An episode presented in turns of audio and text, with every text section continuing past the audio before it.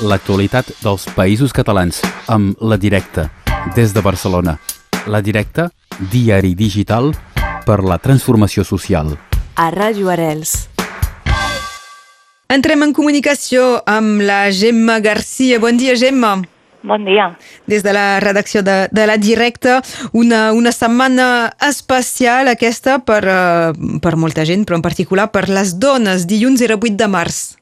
Doncs sí, dilluns era 8M, Dia de la Dona Treballadora o de les Dones Treballadores, i específicament a Catalunya Sud sí que s'havia convocat una vaga feminista, una vaga general feminista, i per tant nosaltres doncs, sí que ho vam, ho vam tenir en compte, això i també totes les mobilitzacions arreu dels països catalans.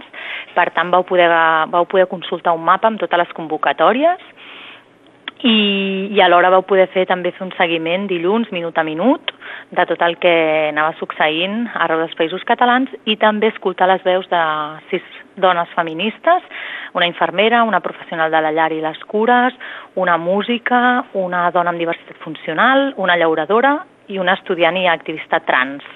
Això ho vam publicar doncs, els dies previs i específicament el dia 8 de març, així com la columna de l'Estela Rodríguez, de Perpinyà, que feia una reflexió sobre l'afectació de les restriccions per la Covid a Catalunya Nord, sobre, específicament sobre l'associacionisme i la militància feminista. Això era específicament el, el tema sobre el 8 de març, però ha tingut conseqüències altres, el fet que vosaltres mateixes, les treballadores de la directa, heu estat en vaga. Exacte, com et comentava, com a Catalunya Sud sí que s'ha convocat mm, per part d'alguns sindicats una vaga general feminista, doncs les treballadores de la directa ens hi vam sumar i això ha tingut una afectació clara sobre la producció de la directa en paper i per tant hem hagut d'endarrerir un dia, 24 hores, la publicació d'aquest número 519 per tal que les dones tinguessin el seu dret garantit a vaga. Doncs Però en lloc d'ahir és ben bé avui que, que es pot veure. Exacte, normalment sortim els dimecres i en aquesta ocasió doncs, sortim 24 hores més tard i arribem just per fer aquesta, aquesta connexió i aquest repàs dels continguts de la directa. A l'obertura eh, tracteu de projectes de fotovoltaic però a l'engròs, eh? Sí, fem un reportatge a fons sobre la llau de megaprojectes d'energia fotovoltaica que està ben sobretot a, específicament a Catalunya Sud i al País Valencià i les afectacions que tenen aquesta, la projecció d'aquests projectes sobre el territori han despertat molt debat no, sobre els impactes, però també no, sobre els dubtes que desperten algunes empreses que volen desenvolupar aquests projectes i sobre el model que dibuixen no, sobre el model energètic no, que s'està dibuixant arreu del territori.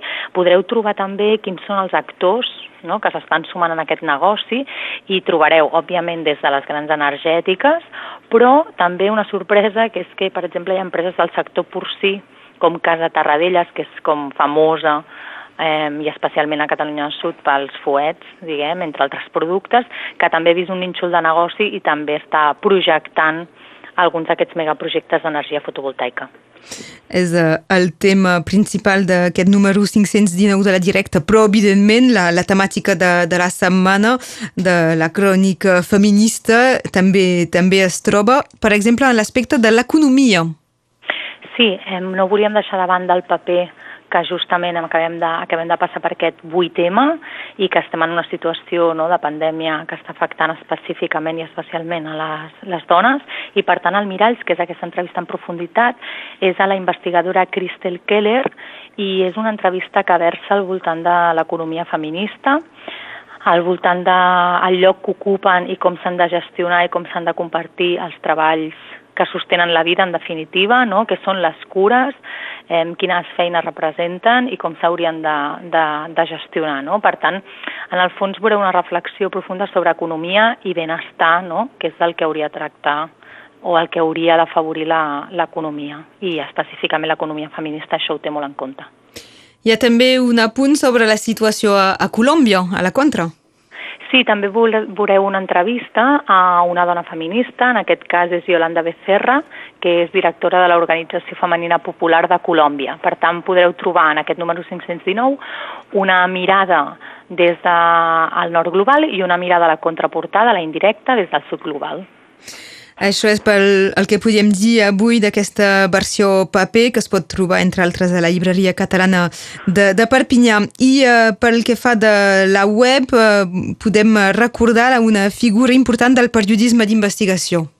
Sí, si abans hem, us repassàvem la columna d'Estela Rodríguez en ocasió del, del 8M, no, amb aquesta mirada feminista de l'Estela, doncs també volíem destacar una columna que va sortir ahir de David Fernández perquè repassar la figura del periodista Pepe Rey, que és un periodista instal·lat al País Basc, però amb molts vincles amb Catalunya Sud, que va morir abans d'ahir, precisament i que recordarà doncs, pel seu periodisme d'investigació, per haver impulsat projectes periodístics com Egin, Ardibels o Calegorria, entre altres i entre altres participacions d'altres mitjans, que va aixecar moltes clavegueres d'estat i va fer treballs d'investigació molt profuns i que justament fruit no? i com a conseqüència d'aquest periodisme lliure doncs, va, ser, va ser detingut cinc vegades i quatre vegades empresonat absolt després, no? Per tant, es fa un repàs de la seva figura. Aquests és alguns dels temes que es poden trobar a la web, que la gent no dubti, uh, directe.cat per uh, molts altres uh, continguts i n'hem parlat avui amb la Gemma Garcia. Moltes gràcies, Gemma. A vosaltres. Fins aviat, adeu. Fins aviat. L'actualitat dels països catalans amb La Directa, des de Barcelona. La Directa, diari digital per la transformació social. A Ràdio Arels.